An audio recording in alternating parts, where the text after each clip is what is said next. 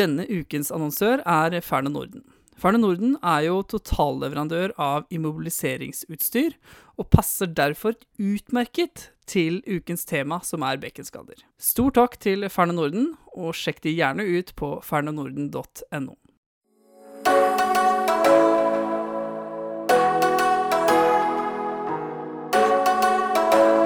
Hei, og velkommen til en ny episode av podkasten Du puster for fort. Um, det er utrolig hyggelig at uh, nettopp du lytter til denne episoden.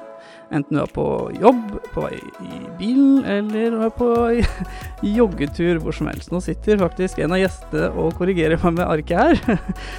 Podkast er jo en fantastisk måte å, å, få input på når man gjør andre ting. Um, og jeg håper du syns denne her eh, episoden hørtes spennende ut i, løpet av, i forhold til teksten. Men jeg tror åssen da blir det. For i dag skal vi snakke om uh, bekkentraumer. Um, en, et viktig tema og en pasientgruppe med høy mortalitet. Prehospitalt får vi dessverre ikke gjort så mye med pasientene, men vi får gjort noe. Vi kan vurdere, vi klarer å optimalisere, og vi kan smertelindre. Men ellers så er det tiden til kirurgen som gir den beste oddsen for denne pasientgruppen. Jeg har fått med et uh, stjernelag i dag. Uh, jeg må jo si at noe av det beste med å drive podkast, er å bruke tiden til de altså, egentlig ganske travle, travle personer.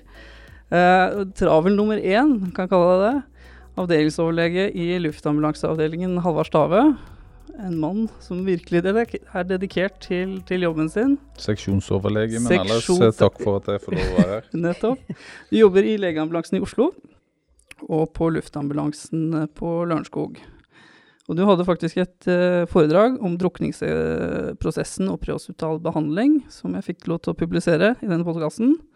Det er podkastepisode 34, så den kan du lytte der hvor du hører på podkast, eller på dupusforfort.com. Da får du se den med slides. Travel nummer to, det er professor Tina Gaarder. Hjertelig velkommen. Tusen takk. Hyggelig å være med. Du er leder for avdelingen for traumatologi ved Oslo universitetssykehus. Um, og du var faktisk med og tok jomfrudommen min på traumeteam på Ullevål.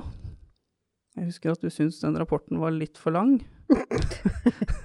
jeg hadde sittet og grua meg i tre timer for å holde rapport, og så møter jeg deg der. du har også vært med før i podkasten, da vi snakka om um, Estes. Um, som dessverre ikke ble noe av pga. Av covid. Men så blir det noe av neste år i stedet. Så blir det neste år isteden. Mm. Men uansett utrolig hyggelig å ha deg tilbake. At jeg får lov til å bruke tiden, tiden til begge, dere begge. Ok, vi skal snakke om eh, bekkenskader. Som sagt en pasientgruppe med høy mortalitet, eh, og ofte utløst av eh, høyenergitraumer. Jeg tenker først og fremst at vi kan ta en kort eh, repetisjon av anatomistrukturen i bekkenet Sånn at vi kan forstå uh, de anatomiske utfordringer traumer kan ha uh, her. Og jeg hadde tenkt å ta denne egentlig selv, men uh, jeg tipper jo at du, Tina, tar du utfordringen med å ta litt anatomi eller repetisjon på bekkenet? Ja, det gjør jeg. Jeg er jo så, si, sånn skrudd sammen at jeg syns man skal tenke enkelt og gjøre ting enkelt. Og da er det egentlig ikke så fryktelig mye man skal huske på. Annet enn at man skal vite at uh, nettopp det du sa, at det skal mye energi til for å knuse bekkenet. Fordi det er, det er Altså, bekkenet er bygget opp som den sterkeste strukturen i kroppen. Uh, altså bygget seg opp som en ring av flere bein som har forskjellige navn osv., som jeg egentlig er litt uinteressert i. Uh, men det er som sagt en ring som holder alt oppe. Uh, og det vil si at den energien som skal til for å knuse det, er, er signifikant. Og så og så respekterer jo ikke energien eh, si, forskjellen mellom eh, ortopedi og annen type, uh, annen type andre organer. I den ringen så er det ganske mye som da, som da ved tyngden som ligger nede i, i bekkenet. Det er ganske mye blodkar som går delvis til beina.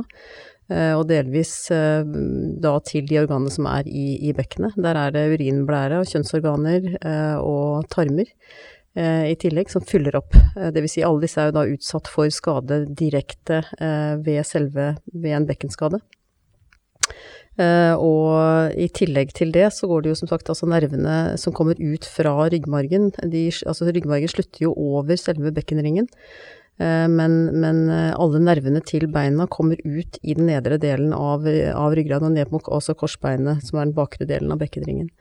Så det vil si at du, du, ved en alvorlig bekkenskade så påvirker man ganske mye organer eh, rundt, og det er fare for, eh, for både blødning og for eh, organskader som kan gi betydelige komplikasjoner senere. Hvis man tenker uh, i forhold til et friskt uh, menneske, hvor mye plass, uh, mye plass til væske er det i, i buken sånn generelt? Hvis du, hvis du, ikke på en måte har noe utvidet, vet du det? I buken? Eller, nei, ikke buken, i, i bekkenet. I bekkenet, altså det er helt avhengig av hvordan du definerer bekkenet. For bekkenet er eh, det, det, det vi kaller det ekte bekkenet, er jo den lille koppen, på en måte, ned, på si, nedenfor bekkenvingene. Den er det ikke plass til, altså i et vanlig, vanlig Litt mindre hos menn enn hos damer, men eh, det er plass til litt over en knyttneve nede i, i det, det, ekte bekkenet. Og så er det da selvfølgelig resten av, av liksom bekkengulvet eller vingene som, som, lager en mye, som det er mye mer plass til. Mm. Og så er det sånn at eh, organene er jo holdt på plass da av, av bukhinnene og sånne ting, men når du først har, eh, får en betydelig bekkenskade, så er det ingen av de hinnene som holder blødning på plass, f.eks. Så det betyr at, eh, at, man kan blø ut hele blodvolumet sitt eh, ved en bekkenskade. Altså i, i, det vi kaller retroperitoneum, eller, eller også inn i buken, avhengig av om du har ødelagt bukhinna. Så, så, det er liksom ikke sånn at bekkenet er en egen Det er ikke et eget rom. Det er rett og slett bare den nedre delen av bukhulen som, som, hvor, hvor, eh, organene holdes på plass av bukhinna. Halvard, um, du skal snakke om bekkenskader. Um, de vanligste årsakene til uh, bekkenskader tenker, som du ser? Sånn, som, generelt skal vi si at alle multitraumatiserte pasienter utenfor sykehus så skal vi tenke at de kan ha en bekkenskade. Eh, og så skal vi eh, mistenke det betydelig hvis det er noen som har hoppa eller falt fra en viss høyde. Eh, og de som har falt av eh, motorsykkel eller moped, eh, har òg en betydelig sannsynlighet for å ha bekkenskade. Og så er det i tillegg sånn at alle kan ha det. Så utgangspunktet er at er pasienten multitraumatisert, så kan han ha bekkenskade, og da skal vi behandle han som om han kan ha bekkenskade. Mm. Um, eldre pasienter, da? Uh, ja, altså eldre pasienter det, altså, Generelt så skal vi tenke at eldre pasienter som har vært utsatt for et traume, er mer skadd enn yngre pasienter som er utsatt for det samme traumet. Uh, både fordi de har en, de har en uh, Eh, de er svakere. De har osteoporose, de har svekka, vev, de har svekka bein, og det er mer sannsynlig at de er alvorlig traumatisert sjøl med mindre traume. Så det tenker jeg at vi skal være særlig obs på eldre pasienter. Mm. Og så er det jo veldig vanskelig å vurdere eh, disse eldre pasientene og, og eh, hva som kan være hva i forhold til omsorgsnivå også.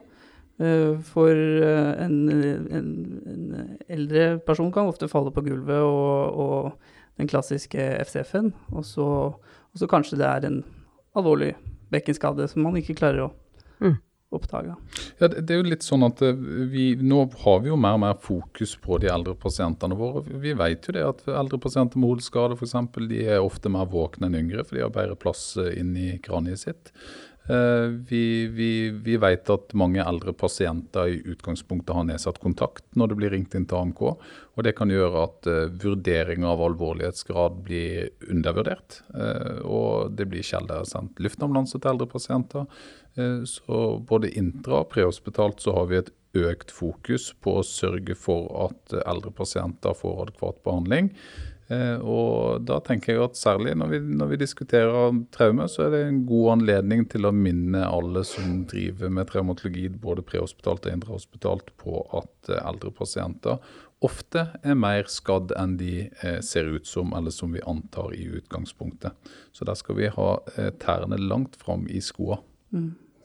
For å komme med et tillegg der.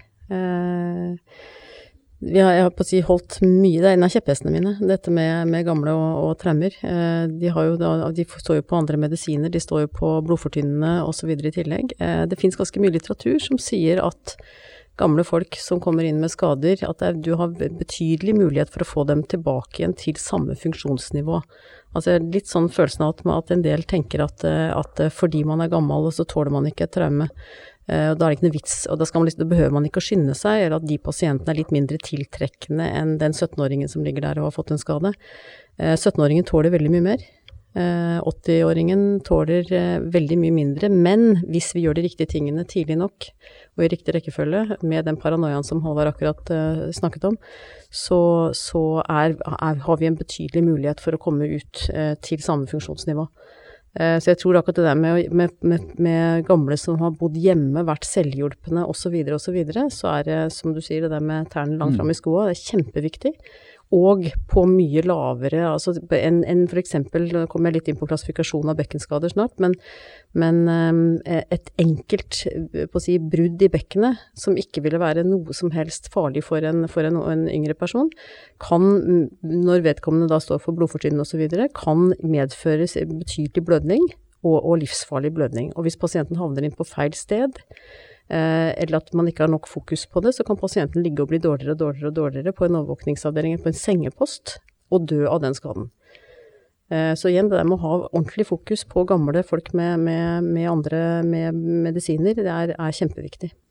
Men føler du at den pasientgruppen blir undertriasjert? Ja, Mm. Den blir undertriasjert. Uh, men vi er, som, som Håvard sier, vi er mye mer, mer, fokus på det nå enn før. Og det er en grunn til at på disse triasjekriteriene som står på hvilke pasienter skal til traumesenter og hvilke skal til andre sykehus og sånn, så er jo, er jo, alder, høy alder, er en av tilleggskriteriene. Mm. Og jeg vil si at det er faktisk et viktigere tilleggskriterium enn eh, det som er lav alder. Altså at man er ubekvem med unger, det er, liksom, det er en helt annen sak. De tåler mye mer. Eh, at gamle, at gamle og, og komorbiditet, eller altså tilleggssykdommer eller tilleggsmedisiner, så skal, man, så skal, det lyse en lampe som tenker at ok, den pasienten skal vi tenke et nivå opp på. Og så er det jo sånn at uh, Noen eldre har jo behandlingsbegrensninger, sånn er det jo, og mm. sånn skal det jo være. Men ja. da er det jo enda viktigere at vi fra første ambulansearbeider som møter den pasienten, mm. at vi gjør vårt ytterligere ytterste konservativt. Dvs. Si at vi, mm. vi behandler den optimalt prehospitalt. Vi har maksimaltransport eh, mm. speed fram til riktig behandlingssted, og vi gir optimal behandling med alle de tiltakene vi mm. kan. For da kan vi få pasienten igjennom uten at vi gjør det til en alvorlig multitraumatisert intensivpasient der behandlingsbegrensningene på en måte trer inn. Mm. Yes. Det er viktig. Mm. Mm. Helt enig. Um, Tina, um, du står jo på traumestua. Er det hver dag, kanskje? Eller nesten ikke langt Innom ofte, i hvert fall. innom ofte. hva, I forhold til bekkenskader, hva er, det, hva er de hyppigste årsakene dere ser uh, kommer inn til dere? Det er jo akkurat det samme som, som Halvard beskrev. Altså de, det vanligste, eller for å si sånn, når, når det lyser uh, sånn lampe i hodet på meg, det er jo typisk sånne fallskader fra høyt. Uh, altså hoppskader, ikke, ikke uvanlig, da. Men, men fallskade fra mange meter, det er, det er nesten alltid det er, det er bekkenet vi mistenker. Eh, de første motorsyklistene på våren som kommer inn, det er bekkenskader vi mistenker. Og så er det sånn, kommer det inn motorsykkel, så er det nesten alltid mer enn man tror. Og kommer det inn bilulykker, så er det ofte mindre enn man tror. Altså det, er, det er veldig mye som er sånn oddsene sier at, og så videre. Altså det skal lyse noen lamper.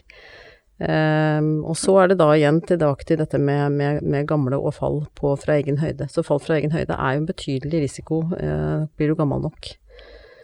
Men hvorfor er motorsykkelulykker så, så hyppig? Eller hva er det dem Hvorfor ender de ofte med bekkenskader? Jeg, skal, jeg kan si altså der, du, du, dette med klassi klassifisering av, av bekkenskader, da, så er det jo sånn at eh, klassifikasjonssystemene er jo laget for å, å, gi en slags prognose eller sånn statistisk sannsynlighet for at du skal ha alvorlig skade eller at de skal være dødelige eller, eh, eller sånn.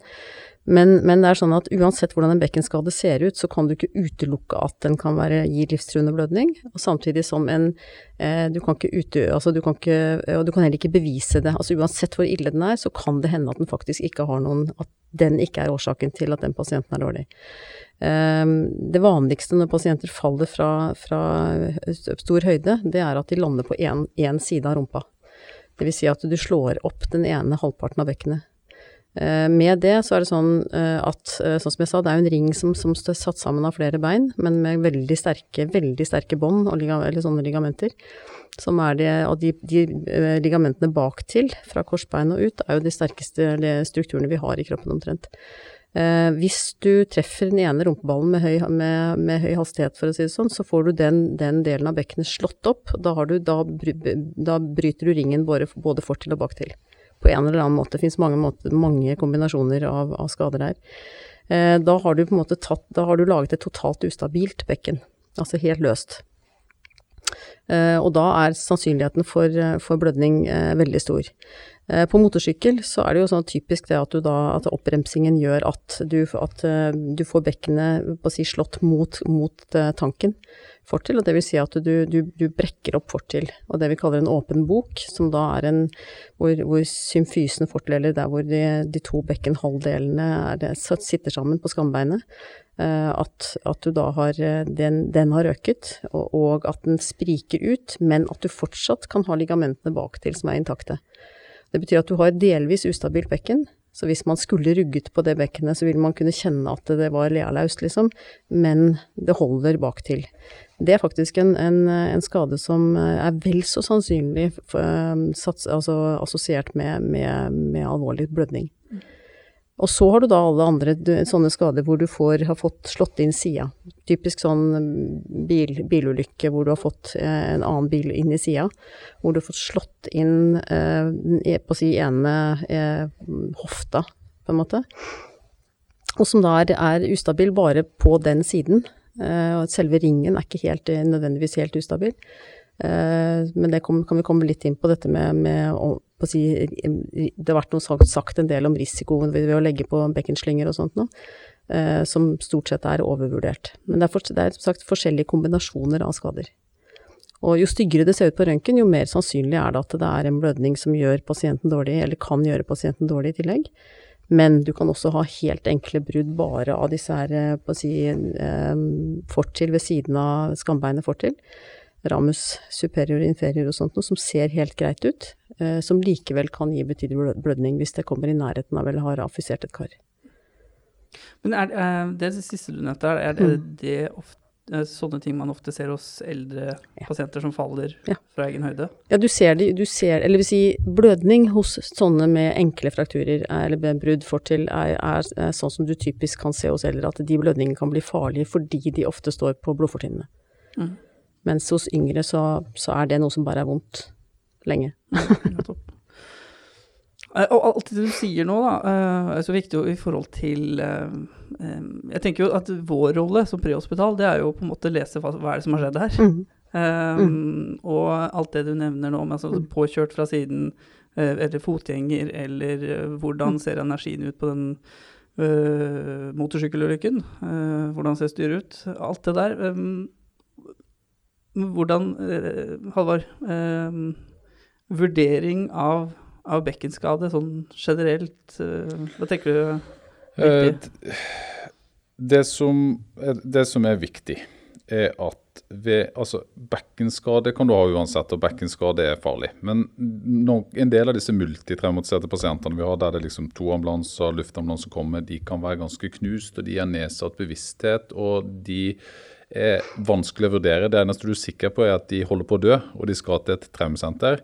Eh, det som vi kan si om de, er at eh, de skal behandles som om de har bekkenskade. Hvis en skånsomt kan legge på en eh, bekkenslynge når en først flytter de på backboardet, så er det helt topp. En skal ikke teste bekken, og de skal behandles som om de har bekkenskade òg. Men de har sannsynligvis noen andre skader som vi mer må adressere da, i forhold til ABC jeg tenker at Det aller viktigste pasientene er de våkne pasientene som har hatt et adekvat stort traume.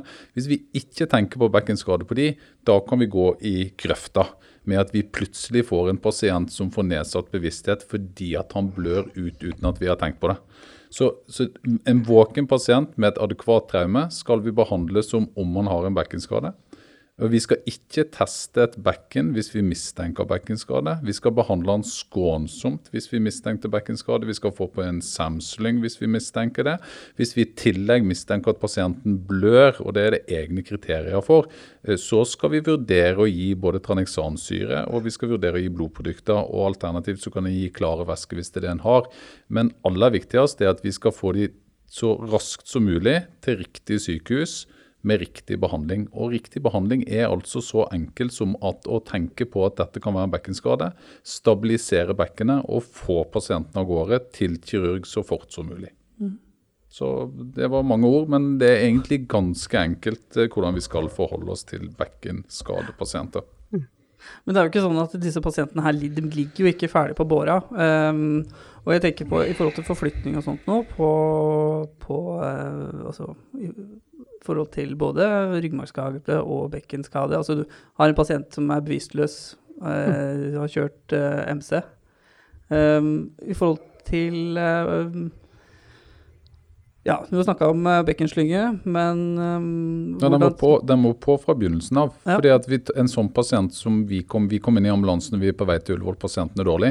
Vi begynner ikke å flytte på en sånn pasient for å legge på en bekkenslynge. Det er for risikabelt. Da går vinninga opp i spinninga. Eh, så, så, så, da kan det hende at vi innadroterer beina. Det er jo et viktig tilleggsmoment som òg stabiliserer bekkenet. Men da, hvis den bekkenslyngen skal på, så skal den ligge på backboardet eller på båra når vi flytter pasienten over. Alle pasienter med mistankt bekkenskade eller ryggskade skal forflyttes skånsomt, men de skal forflyttes raskt. Da er klesløft det beste. Alle mulige slags rullinger og masse folk til stede, sånn, det går for lang tid. Det er ikke noe stabilt. Men har, du, har, har pasienten en motorsykkeldress på seg f.eks., så handler det om å ha nok folk, holde godt nok i klærne og bruke klesløft direkte over på båret eller backboard med bekkenslynge den må sitte riktig. Det bør vi snakke litt mer om etterpå, kanskje. For den må definitivt sette på rett plass, eller så gjør den bare ugagn. Eh, så, så, det er liksom en enkel, rask tilnærming og minst mulig nøling. Ikke nøl fordi at du lurer på om det er en bekkenskade.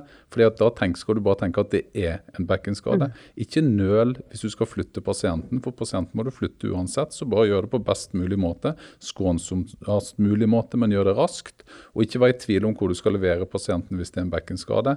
Den skal til nærmeste traumesenter. Eh, og Det har vi klare kriterier på hvem som skal kjøre forbi sykehus, og hvilken som skal til nærmeste sykehus. Mm. Og Det er veldig litt fram til eh, i forhold til logrolling av disse pasientene. Mm. Hvorfor skal ikke disse pasientene over på siden?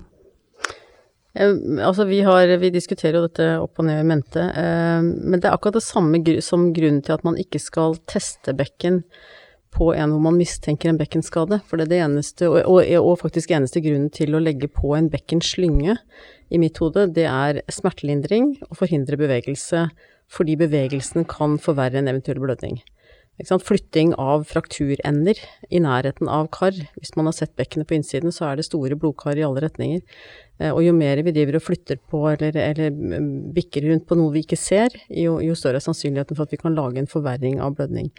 Og det er samme grunn til at vi da ikke loggroller hvis vi har en pasient som er sjuk, fysiologisk sjuk, som, uh, som, som uh, vi tror har pågående blødning, så, så snur vi den pasienten ikke på siden. Det er ingenting vi finner bak som berettiger egentlig at vi ser at vi, vi må se på den ryggen før pasienten eventuelt har roa seg på, på resuscitering, etter at, i hvert fall etter at den kommer på sykehuset. Og, og, det får ikke noen konsekvens.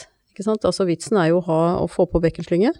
Uh, av og til så må jo vi, hvis ikke det kommer en bekkenslynge utenfra, så hender det jo at vi må Og, og hvis noen har glemt å legge på en, en, et stikklaken eller en slynge på, på båra når han kommer inn, så hender det at vi logger over for å få på bekkenslyngen.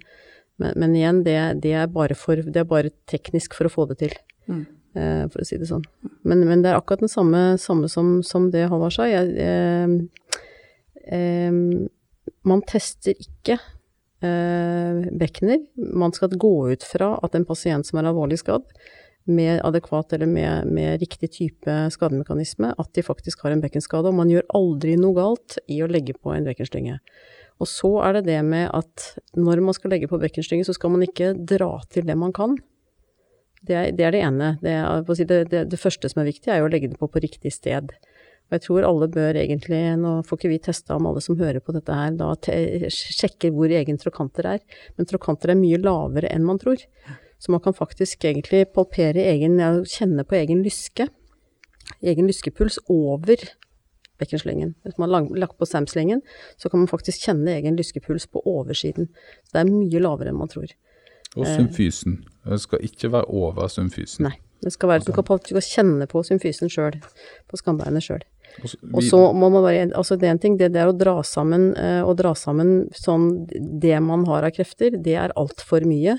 Der er det gjort en del kadaverstudier som, sier, som viser at, eh, at en sånn 14-16-18 kilo drag, og det er ikke veldig mye drag for å, for å trekke, trekke i mellom 15 og 20 kilo. Eh, Så det er ikke veldig dratt sammen. Man skal kunne gli hånda under slyngen, altså gli fingrene under slyngen uten at det er veldig vanskelig å komme inn under. Og spesielt da hvis det er lang transport og sånn, så, er det jo så, så lager man hudskader ved at man drar på for hardt.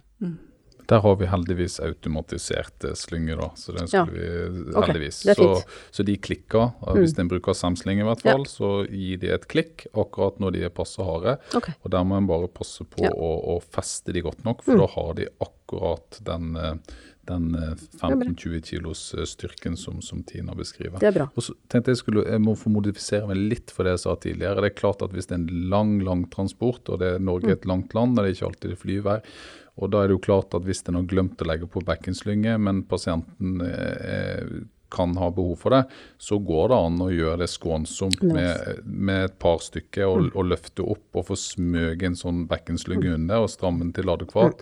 Det, skal en, det må vi selvfølgelig anbefale at en gjør, selv om en har glemt det første gang. Men ofte, hvis en har kortere vei til sykehus, så er på en måte muligheten å få det på når du flytter pasienten, for da kan ikke en bruke mer tid på det.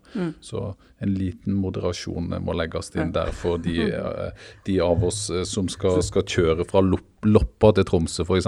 De har lang vei på dårlige veier. Så det er ikke for seint når du har lukka igjen bildøra. Men da kan man også, en annen ting, hvis man, hvis man da mot formodning ikke har på en slynge når man ankommer sykehus, og likevel mistenker at det kunne være en bekkenskade, så si det i det øyeblikket man ankommer. For det er mye lettere å legge på den slyngen eller den, det stikklakenet før man har flytta pasienten over, istedenfor å måtte begynne å bikke på den pasienten etterpå. Det er ikke pinlig eller teit, eller det er ingen som kjefter på en for å si 'Å gud, hvorfor har du ikke bekkenslynge på?' Altså Poenget er bare at, at eh, hvis man har, har mistanken om det, så si det sånn at de på sykehuset får det med seg med en gang. Kommer man inn med bekkenslynge, så tror vi jo alltid at det er en bekkenskade, ikke sant. Men kommer man uten, så kan det hende at det går litt tid før, før eh, det går opp for de som tar imot. Så Men tenker, tenker du at alle pasienter med alvorlig eh, traume, som er, har redusert bevissthet, eh, skal vurderes eh, bekkenslynge?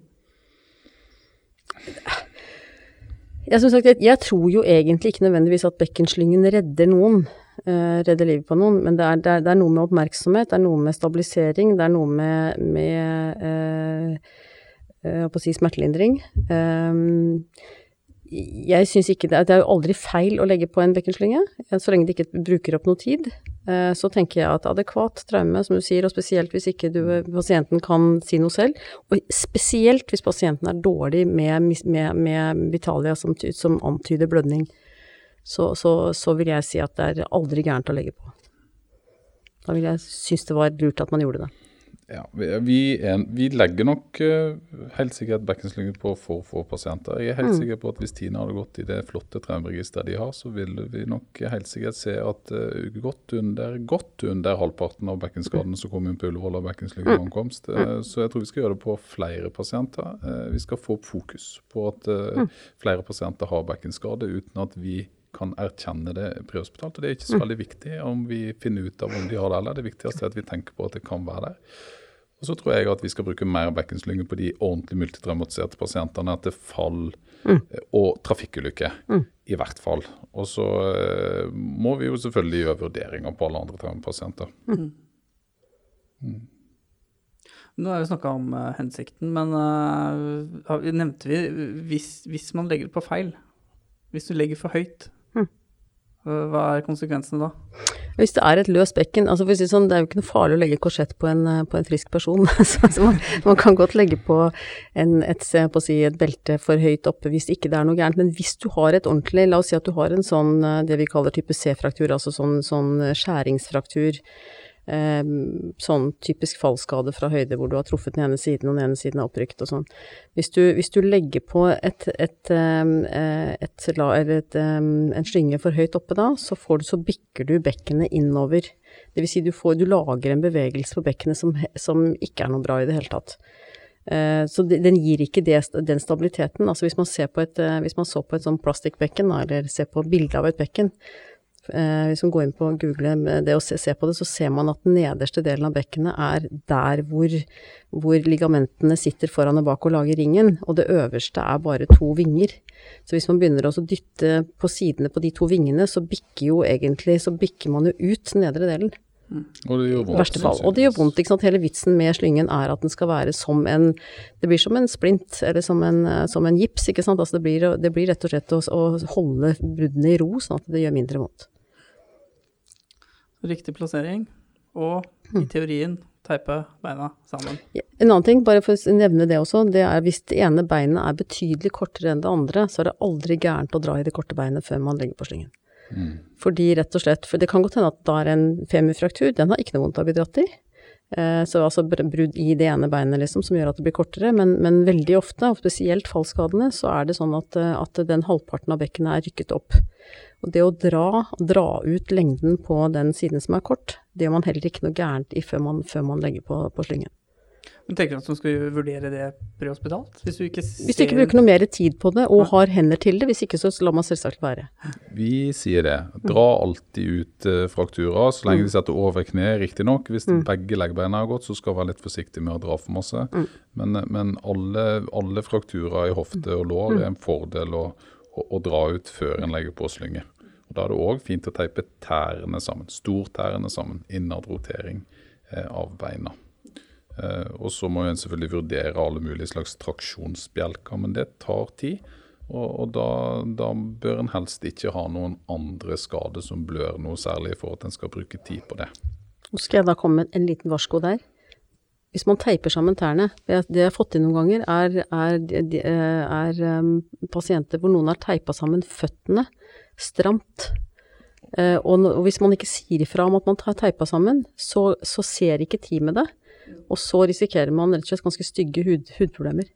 Så det er viktig, for det er ikke så ofte det gjøres, og derfor så blir man liksom ikke Man er ikke helt obs på det. Mm. Og så kommer det litt sånn som med, med torniker, mm. at man er litt sånn obs på at man sier ifra at man har gjort det, i hvert fall hvis man kommer inn. Mm. Bra. Um, hva, så sånn avslutningsvis, hva, hva, gjør man inne på sykehuset med, med disse pasientene? Akkurat like enkel tankegang som prehospital i praksis, altså vil si ABCDE i utgangspunktet. Eh, får man informasjon, og vi er jo veldig avhengig av at vi får god informasjon fra dere som kommer og leverer når det, når det leveres, eh, med, med, hvordan fysiologien har vært osv., og, og gjerne mistanke. Er det mistanke om det ene eller andre, og mest mulig selvfølgelig om, om skademekanismen. Da skal du slå inn mistanke, selvfølgelig. Eh, så, så, gjør man jo sant, sikring av luftvei. Hvis, vi prøver jo å unngå, hvis pasienten er ordentlig dårlig fysiologisk, så prøver vi å vente med intubasjon til man har fått en effekt av resuscitering. Og så bruker vi jo, hvis pasienter er dårlige, så bruker man jo blodprodukter eh, og ikke krystalloider på sykehuset. Og man fyller på med mer sykkelkapron. Hvis det ikke er gitt ute, så gir man jo det. Der tror jeg vi kommer til å endre på protokollen til at det blir to, to gram, eh, og ikke sånn infusjon. Og så eh, går vi jo gjennom med vanlige røntgenbilder, og finner man da eh, Kommer pasienten med slynge, så tar vi røntgenbildet. Er det da ikke fraktur, så kan vi ta den av. Eh, er det brudd på bekkenet, om man ikke har slynge på, så legger man selvfølgelig det på tidlig. Eh, tar røntgen av de andre, altså røntgentoraks osv., legger inn dren, gjør de vanlige tingene som er livreddende på en, en sånn primary survey. Og så ser vi på effekt av resuscitering. Eh, de aller fleste bekkenskader de responderer. Men det vi ser, og det er, det er faktisk et kjempepoeng i seg sjøl, det er at den knusningen som skal til, den energien som skal til for å lage en alvorlig bekenskade, selv om ikke pasienten har blødd mye når vi endelig får pasienten på CT seinere, så ser vi at de blir dårlige fysiologisk av selve, selve knusningsenergien. Og det betyr at de, blir, de, de, oppfører seg som om de blør, uten at de egentlig blør mye. Og det vi ser ganske ofte, er at de trenger oppimot en sånn seks-sju enheter med, med røde blodlegemer og seks-sju enheter med plasma og, og, tilsvarende med blodplater, før, begynner, før, før man begynner å kunne skru ned litt på takta. Og dette er hvis det ikke hvis pasienten ikke har noe stor blødning, ikke stort hematom i bekkenet, ikke masse blødning fra kosta fra, fra, fra ribbeinsbrudd og sånn. Eh, men da ser det ut som da veldig, veldig ofte roer seg, og så tar vi pasienten på CT, og så finner vi ut hva som skal gjøres videre. Mm. Men hvis pasienten da ikke responderer på tilsvarende måte at pasienten er, er kjempesjuk og fortsetter å være kjempesjuk til tross for, så går vi på operasjon. Og da vil vi alltid, hvis, vi, vi da, hvis det er en stygg bekkenskade, så åpner vi buken og har buken åpen mens vi håndterer eventuelt da med pakking i bekkenet og sånne ting.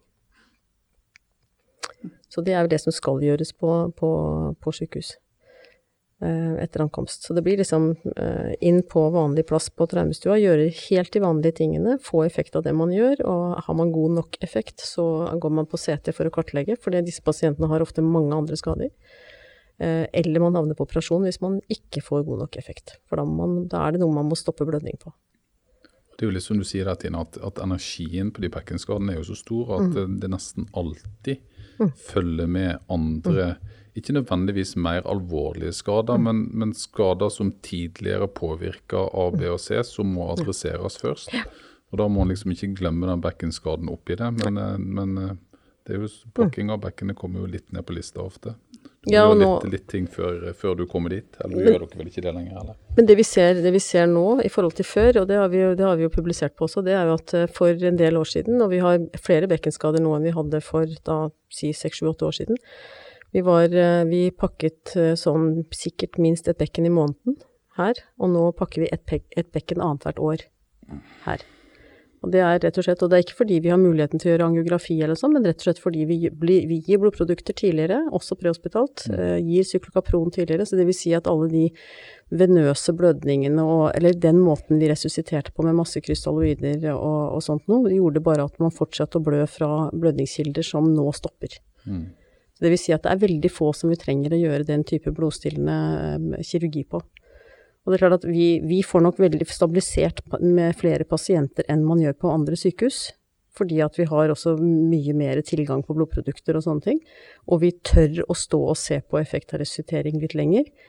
Så jeg, jeg tror det, det, vil fortsatt være sånn at det er lavere terskel for å gjøre blodstillende kirurgi på andre sykehus med, med, med, med traumefunksjon, altså akuttsykehus rundt i regionen hos oss også. Um, på lavere terskel, og det er riktig. Sånn skal det være. Altså vi, vi, tør nok å ha is i årene litt lenger, og, og det, det, betaler seg av på å si ganske ofte. Vi tør å stå og se på og se om, dette faktisk, om, om pasienten responderer sånn som vi håper at vedkommende skal gjøre, og det, og det gjør de. Og da viser det seg at det er en, en som, du sier, altså det, vi, det, som er publisert på det, er jo at um, sånne bekkenskader kommer aldri alene. 100% har andre skader. Det finnes 100, 100 har andre skader. Men 50, altså ca. 50% hvis pasienten har dårlig fysiologi, så er det ca. 50% som har uh, signifikante, eller altså uh, skikkelige blødningskilder andre steder enn i bekkenet. Og 30% har blødning i buken også, i tillegg til bekkenet. Og derfor, derfor, den tilnærmingen med at hvis vi først ender på en operasjon, så åpner vi buken først. For vi kan ikke ha det som blindsone hvis vi tror at det er bekkenet som er hovedproblemet. De aller fleste de stabiliserer seg uh, og trenger ikke operasjon. Sånn, ikke, ikke, operasjon i akuttfasen, mener jeg. De trenger jo selvfølgelig operasjon for fiksing av ting etterpå. Så det er ingenting som heter bare et bekkentraume? Nei, det er ikke bare Det var feil podkast, da. Det er noe av de verste. altså Jeg må si at jeg jobbet i Sør-Afrika mye, og jeg, og, og jeg syns jo alltid, at sånn skuddskader og stikkskader var, var skummelt til man kom dit. Og der plutselig så gikk det opp for meg at, eh, at de syntes ikke at skudd og, og stikkskade var noe problem i det hele tatt, men dårlige stumpe traumer er mye, mye verre. Mm. Det merker dere også prehospitalt, mm. at, at, det er mye de Altså, energien som treffer ved stumpe traumer er mye vanskeligere å håndtere enn en, eh, et stikk eller skudd. Ofte vanskelig å vurdere også tidlig. Mye vanskeligere, for det er, det er, på en måte energien som, som, som går på, altså som eh, på å spenner bein på prosessene i kroppen, som mm. er naturlige. Ja, jeg tror vi har fått med ganske mye. Er det mm. noe dere vil, uh, vil ha med sånn på tampen? Altså, jeg, jeg, jeg, satt og tenkte på, er ikke disse um,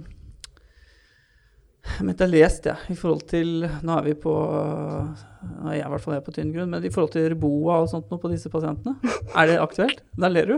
Hvor mange timer til skal vi snakke nå? ja. det er vel ikke, vel ikke verdt å ta noen Reboa-diskusjon på Nei, det her. Jeg tror jeg eh, altså Reboa er en helt annen diskusjon som, mm. som eh, vi i utgangspunktet ikke bruker i Norge. Mm. Så kan det sikkert være nyttig for noen pasienter, men det er en, det er en litt sånn separat eh, diskusjon. da. Og så tenker jeg at hvis en pasient med et bekkentraume er så dårlig at du trenger Reboa, da har han betydelig andre skader sannsynligvis òg. Og her er vel det viktigste å fortsette å tenke enkelt, altså. Så stor traume er lik mistenk bekkenskade. Er lik eh, legg på en samsling hvis du kan, og resusciter etter vanlige ABC-prinsipper. Og tenk speed til eh, nærmeste traumesenter. Så hvis en husker det, og ikke syns at det er så innmari skummelt Altså En må gjerne synes at det er farlig og skummelt med bekkenskader, men altså håndteringa skal være enkelt, og det må en liksom bare lære seg de enkle prinsippene.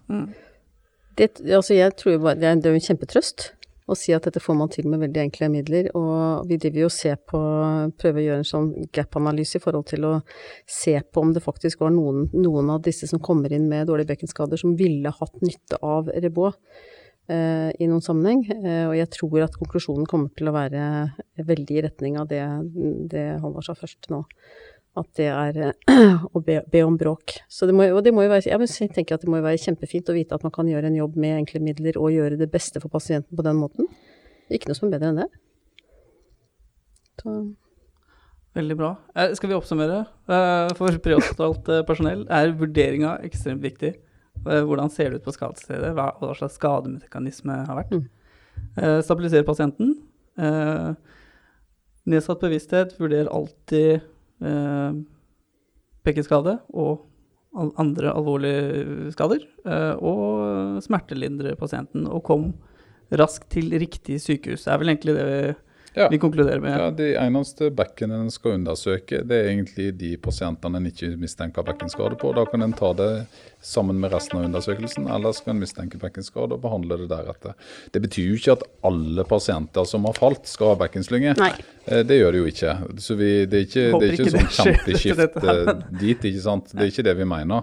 Men det er lov å tenke at det kan være en bekkenskade òg, og nevne det i rapporten. og Så kan en ta stilling til det inne. Da snakker vi om de som kanskje ikke har så veldig påvirka fysiologi. Og, og de en mistenker det på, så skal en kjøre til de prinsippene vi har snakka om i dag. Også den ene tingen til som ikke har noe med bekkens slynge å gjøre, men, men lavenergi bekken, bekkenskader skal mistenkes hos gamle mennesker. Og skal medføre at man eh, har lavterskel på å få dem til riktig sykehus for avklaring. Og gjerne da også med at vi mistenker at det er bekkenskade når man kommer inn og avleverer. De, de, veldig mange av de trenger jo ikke, det er jo ikke bekkenskader som der har noe nytte av ved slynge. Men, men det er viktig at de, de får behandling og ikke blir liggende på en ortopedisk sengepost på en sykehus som ikke er vant til å ha med skader å gjøre. Jeg tenker vi avslutter der, jeg. Hjertelig takk for at eh, dere ble med begge to. Kommer sikkert til å spørre dere en annen gang også. Det var hyggelig det Det er bare, bare å finne på noe, så går, går, går praten av seg sjøl, det. Vi klarer vi. Hjertelig takk for at dere ville være med, eh, Tina Gaarder og Halvard Stave. Takk for at vi fikk være med. Veldig hyggelig. Og vi vil gjerne høre fra dere. Eh, hvis du har noen tips eller eh, noe på hjertet som du har lyst til å formidle, og lyst til å bli med i podkasten selv, så kan du bare sende meg en mail på depustforfort.outlook.com. Og så sier vi egentlig bare takk for, takk for selskapet. Og så høres vi sikkert en annen gang. I like måte. Ha det, ha det.